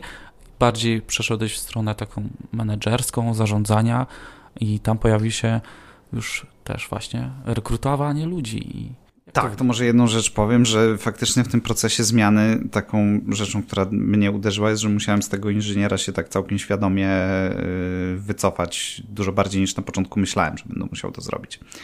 Mhm. E, okazało się, że nie można być jednocześnie y, dobrym menadżerem i dobrym inżynierem i co więcej po jakimś czasie moje angażowanie się w życie zespołu z takiej pozycji inżyniera przynosiło więcej chaosu niż porządku, więc więc to było takie może mm, zaskakujące. Ale tak, to, to jeszcze tak być nałożyły dwie rzeczy na siebie bo z jednej strony zmieniłem pracę i zacząłem pracę jako inżynier bezpieczeństwa i po kilku tygodniach e, okazało się, że e, jedyna w momencie, w którym przyszedłem, to miałem jednego kolegę w zespole e, i mieliśmy budować ten zespół dalej i kolega postanowił, że jednak e, życie startupowe nie jest dla niego i postanowił zrobić doktorat, więc zostałem na placu boju sam i z moim szefem wspólnie ustaliśmy, że jakby zbuduję ten zespół i, e, i tak się stało i, i to też jest fajna przygoda. Mhm. Aczkolwiek taka bardziej nie, niespodziewana. Okay. To, nie, to nie była taka do końca, to nie był plan, ale, mhm. ale też e, fajna, fajna przygoda. Ale poradziłeś sobie, czy, czy z tym widzę? No? Myślę, że tak, to Jakoś? dalej wszystko działa, czy, więc czy... myślę, że... Um, firma nie upadła, wszystko, firma nie upadła. Widzę, że dalej rekrutujecie. Tak, tak że... wszystko, wszystko to jakoś działa, aczkolwiek szczerze powiedziawszy myślę, że jestem na takim etapie mojej transformacji z inżyniera do menadżera. Jakoś to wszystko działa, ale nie mam pojęcia jak. Mhm. Ale y, to było tak, że nagle szef ci mówi, słuchaj, e, będziesz teraz e, takim menedżerem zespołu i ty nagle e, na Amazona i kupujesz książki o zarządzaniu ludźmi.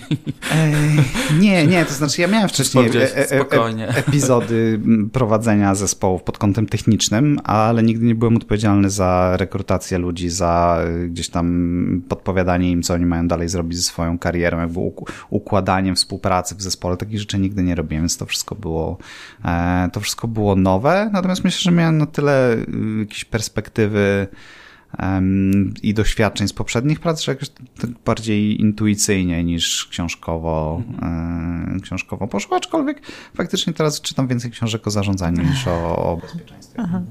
Czyli Marcin, możesz patrzeć wstecz i sobie te kropki połączyć i wtedy, wtedy wnioskować jakoś, że gdzieś tam te zasady jakoś wywnioskować. Właśnie mi się to kojarzy trochę z rozmową z Wiktorem Schmidtem. On mówił o tym, że on, oni trochę na początku mieli taką, e, taki pomysł, żeby e, wiecie, no po prostu zarabiać, e, czyli stworzyć taki biznes, który będzie zarabiał, a później dopiero on sobie ustawiał zasady zarządzania, czyli dopiero to się działo później, kiedy, kiedy gdzieś tam poszukiwali, kiedy firma się rozwijała i później dopiero zasady w oparciu o wartości, oni sobie później to zdefiniowali. To było jakoś kilka lat temu, kiedy, kiedy on jakby to, to zmienił. Więc on też jest takim menadżerem, który, no liderem mm, organizacji, który po prostu jakby transformował. Więc to też jest naturalne, że niektórzy ludzie tak mają po prostu, że muszą doświadczyć czegoś, żeby później e, no, mieć z tych doświadczeń wnioski i wiedzieć, co chcą, nie? co jest ok, że co chcę,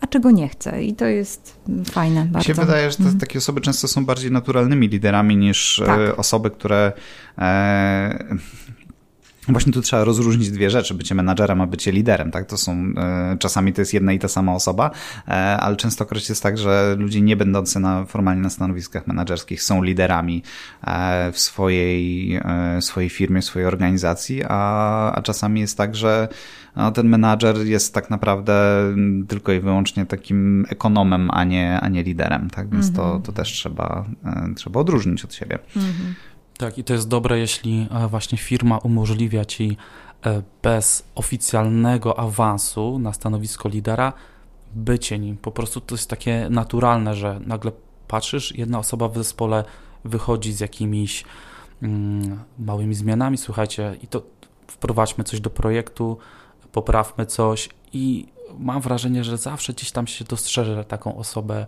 Są tacy inżynierowie, oni będą robić swoje, nie wychylać się. Jak jest jakiś problem, może o tym powiedzą, może nie, ale w sumie to mi to e, nie robi, ale można dostrzec takie osoby, które nagle się wychylają, to zróbmy to tak, to poprowadźmy, nie? I tak naturalnie te, ta reszta za nimi idzie, pomimo, że oficjalnie szefem jest w ogóle jeszcze trzecia osoba, nie? ale wszystkie jakieś takie decyzje, czy e, zapytajmy wtedy jego, nie, mhm. nie tego szefa mhm. takie naturalne mhm. liderowanie. A jak przychodzą do ciebie na rozmowy osoby, to masz takie, które totalnie zmieniają właśnie tą działkę i wchodzą w to cyberbezpieczeństwo. Dosyć, dosyć, dosyć często, ze względu na to, że to cyberbezpieczeństwo jest w ogóle, jeszcze w porównaniu do reszty branży IT jest w ogóle strasznie świeże. Um, więc to jest taka działka, gdzie na przykład ekstremalnie rzadko zdarzają się osoby, które mają wykształcenie w tej dziedzinie. Jest bardzo niedużo e, miejsc, gdzie można na przykład pójść na studia z tym związane. Akurat u nas e, w Gdyni na E, akademki, tam na Akademii nie mają taki kierunek, więc u nas akurat można. E, gdzieś tam wiem, że na Wacie w Warszawie można, ale na cywilnych uczelniach nie znam e, specjalizacji na przykład i za granicą wygląda to mniej więcej podobnie. Z tych miejsc stosunkowo niewiele, mm, więc albo są to ludzie, którzy już wcześniej to robili, mm, bo, bo chcieli od początku, są ludzie, którzy od początku swojej kariery zawodowej chcieli, chcieli w tym, w tym obszarze się rozwijać, albo życie wybrało za nich. Na przykład mój szef nie wiedział, że chce się zajmować bezpieczeństwem, aż po studiach poszedł do pracy i wpadł, pierwszy projekt dostał, że tak powiem, do ogarnięcia z działki bezpieczeństwa i tego już zostało. I, już kilkanaście lat działa, działa w tym obszarze. A jest kupa, naprawdę kupa osób, takie jak ja, które stwierdzają, że ich to po prostu interesuje i chcieliby, chcieliby zmiany.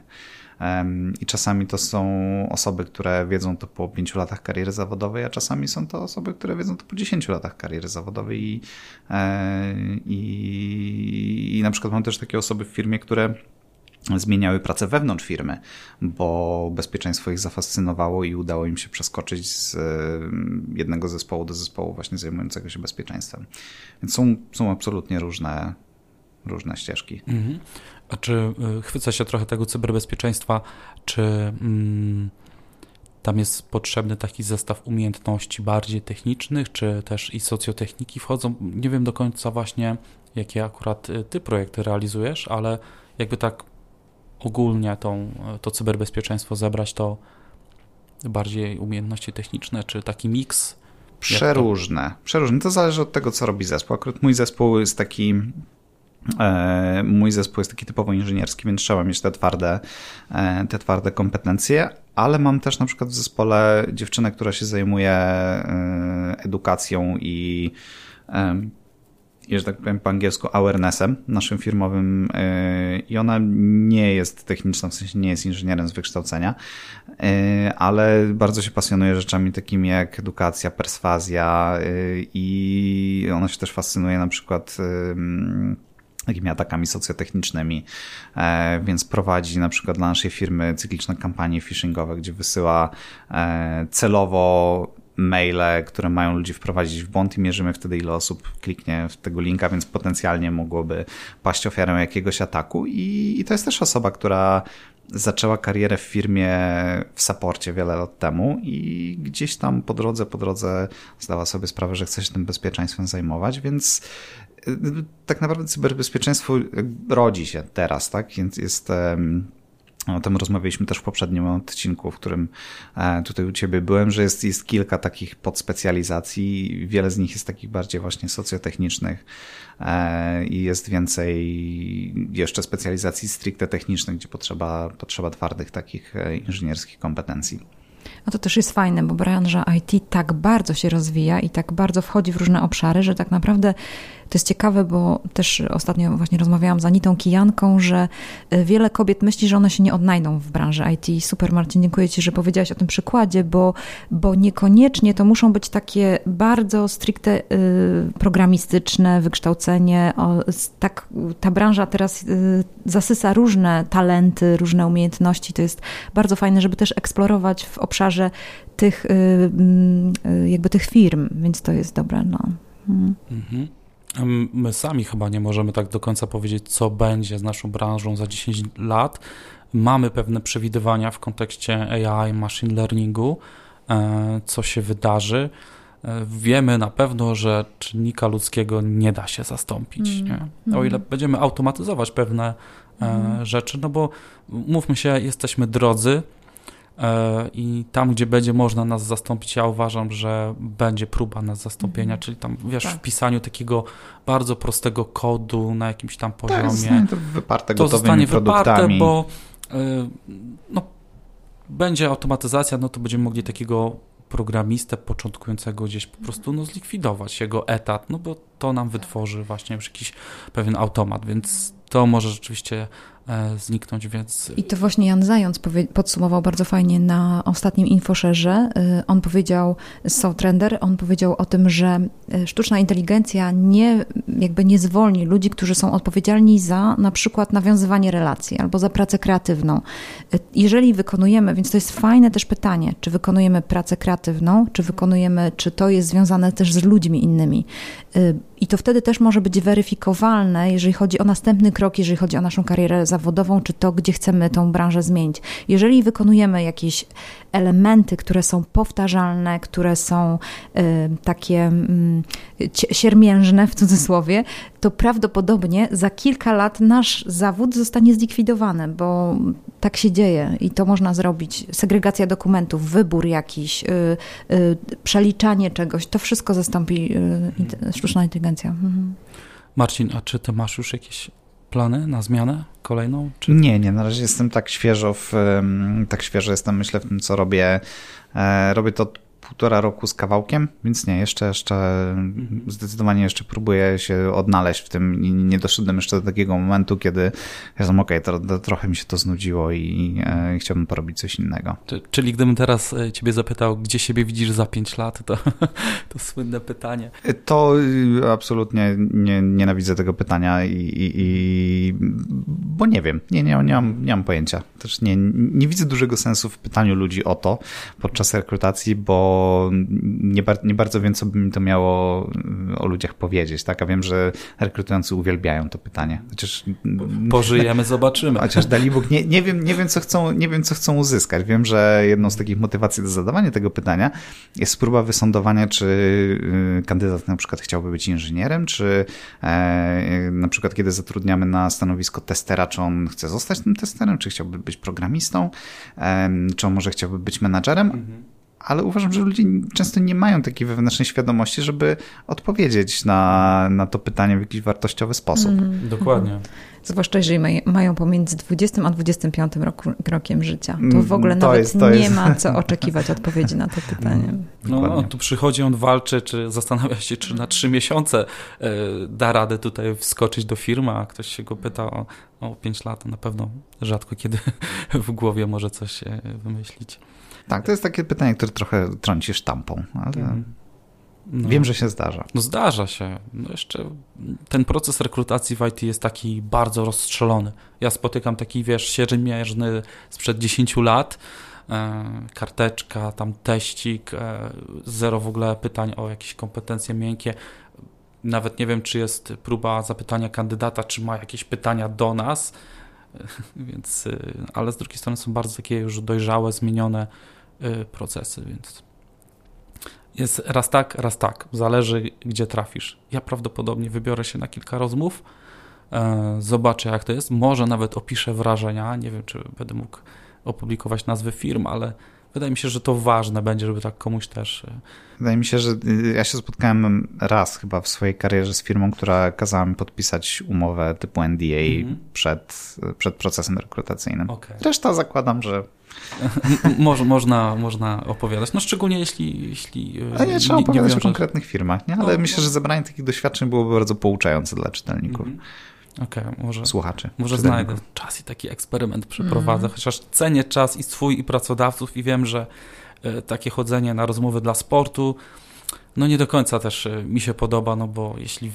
no, ale gdzieś to trzeba prawda. przećwiczyć, ale z drugiej strony no, wiem, że koszty rekrutacji są ogromne w IT nie? i to jest jednak trochę przepalanie. Może odcinek z kimś z rekrutacji byłby ciekawy. E, mam, jed, mam jedną osobę, e, Ela, myślę tutaj o tobie, Ela z Microsoftu, e, dobra, powiedzmy znajoma z sieci, e, która no pomogła mi już na tym etapie, gdzie jestem, więc e, tak, już teraz mogę podziękować, zobaczymy, co się jeszcze wydarzy.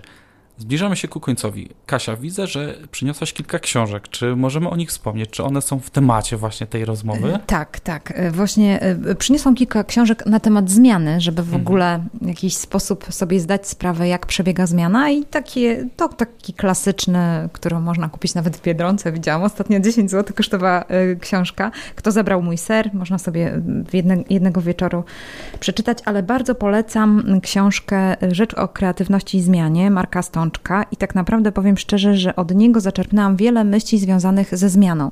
To jest opowieść zupełnie taka mm, abstrakcyjna na temat krasnali i ich podróży, ale bardzo fajnie mo można odkrywać takie ważne momenty w procesie zmiany, jak one następują, dlaczego nie chcemy zmiany, y, jak ona przebiega, więc chodzi o, w ogóle o sam proces zmiany to y, głównie. No i jeszcze jedna taki klasyk John Cotter, gdy góra lodowa topnieje wprowadzanie zmian w każdych okolicznościach. To też jest taka opowieść abstrakcyjna, bo chodzi o to, żeby abstrakcja, bajka, opowieść y, w jakiś sposób zmieniła nasz stres związany ze zmianą. Wydaje mi się, że autorzy mieli y, to na myśli. Jedną z rzeczy, którą też y, to było dla, dla mnie takim odkryciem, to było to, o czym mówiłam, jeżeli chodzi o te etapy w życiu, to ogólnie warto szukać. Nie ma, nie ma takich dobrych polskich publikacji. Czasami fajni psychologowie mówią o tych y, takich dołkach w życiu. To, co też powiedziałeś, Grzegorz, a że, no, że ten na przykład moment, y, tak zwany kryzys wieku średniego, czy coś takiego, to jest raczej obśmiewane, a w gruncie rzeczy to jest naturalny proces w życiu każdego człowieka, że nadejdzie taki moment, kiedy będziemy musieli być na, jakby w przerwie meczu, przemyśleć różne rzeczy, zweryfikować i pójść dalej o krok. I y, The Culling Journey to tak, akurat taki, mm, y, korzystałam z takiej książki, ale ogólnie mm, no, trzeba by było gdzieś szukać jakichś takich mm, książek y, amerykańskich, które mówią właśnie o procesie w życiu, takich na przykład dolinach w życiu człowieka. I wiem, że napisało kilku ludzi, takich menadżerów, y, którzy już patrzą wstecz, którzy mają jakieś doświadczenia. I to są takie książki, w których możemy, jakby ucząc się na podstawie ich doświadczeń, wiedzieć, że są pewne momenty w życiu człowieka, które, y, które po prostu są y, naturalne, tak bym powiedziała. Mhm. Mm. Marcin, a czy ty byś chciał tak na koniec jakieś materiały podrzucić, czy swoje takie rekomendacje? E, na temat zmiany. Mhm. E, powiem szczerze, czytałem e, jakiś czas temu, to chyba nawet dwa razy, kto, kto zabrał mój ser i to jest, to jest fajna książka, bo faktycznie ja wolno czytam, można ją przeczytać gdzieś w dwie godziny, jak człowiek ma wolne popołudnie i przemyśleć. No, to jest, mhm. myślę, jak, jak człowiek w ogóle próbuje się, e, próbuje się zastanowić, bo czasami jest tak, że ta zmiana jest lub widzimy, że ona będzie e, i jest nam z tym niekomfortowo, to wtedy uważam, że ta książka może, ta książka może pomóc. Mhm. Okej. Okay. No, ja, że tak powiem, tylko się tutaj wetnę. No, oczywiście zapraszam na stację Zmiana, no bo tam tak, jest milion zmiana, e, opowieści o zmianie. Tak, tak. Mm -hmm. to, jest, to mhm. jest podcast dedykowany mm. zmianie i można... Ja lubię stację Zmiany. Nie chcę tu ja teraz słodzić, ale fajnie i tak lubię go słuchać, bo jest taki przyjemny, fajnie tam to wszystko płynie w tym y, podcaście i y, tak fajnie wycisza i nawet wiem, że chyba wysłałem gdzieś kiedyś y, w rodzinie, żeby też posłuchali.